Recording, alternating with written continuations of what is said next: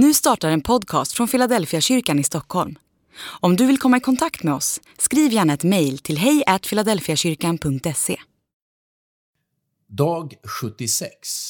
Vad är det som behövs? Eller om en kvinna har tio silvermynt och tappar bort ett av dem, tänder hon då inte lampan och sopar hela huset och letar överallt tills hon hittat det? Och när hon har hittat det samlar hon väninnorna och grannkvinnorna och säger Gläd er med mig, jag har hittat myntet som jag hade förlorat. På samma sätt säger jag er, gläder sig Guds änglar över en enda syndare som omvänder sig. Lukas kapitel 15, vers 8-10. Någon måste ge sig ut och leta efter fåret och sen bära hem det över sina axlar.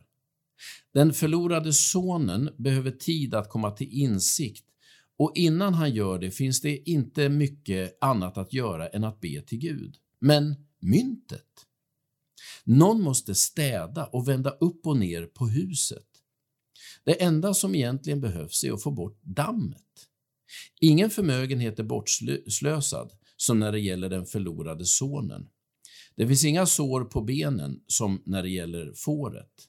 Myntet ligger där det ligger och det enda som behövs är att någon blåser lite på det och putsar bort dammet. Jag tror att det finns en del människor som är som det där myntet. Det finns egentligen inget skäl till att de inte är med i kyrkan. Det har bara blivit så. När de väl kommer till tro så är det som det mest självklara i världen. Det är som om allt finns där och alltid har funnits där det har bara varit gömt under damm. Jag har också stött på en del borttappade mynt i kyrkan. Man har liksom förlorat sin plats. Inte i offentligheten, men inför Gud. Liksom myntet finns kvar i huset så är man kvar i kyrkan. Men man har tappat sin koppling till Gud. Jag vet inte varför det blir så, och de flesta människor som har hamnat i den situationen vet inte heller varför det har blivit så. Det har bara hänt. Det är som med myntet. Det går inte att peka ut någon skyldig eller någon särskild orsak. Ändå har man förlorat sin koppling till Gud och därmed sitt verkliga värde.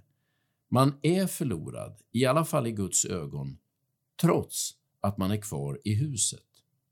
De goda nyheterna är att någon febrilt söker efter det som har gått förlorat för att återge det den ursprungliga platsen och det rätta värdet.